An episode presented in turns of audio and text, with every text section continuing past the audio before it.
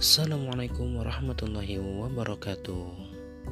Adik-adikku, jangan lupa untuk bahagiakan diri Anda dengan selalu bersyukur, berpikir positif, afirmasikan hal-hal yang baik, dan jadikan diri Anda adalah diri yang menjadi lebih baik dari hari-hari sebelumnya. Selamat beraktivitas dan selalu bahagia. Salam BK Rumul Quran Al Mustafa.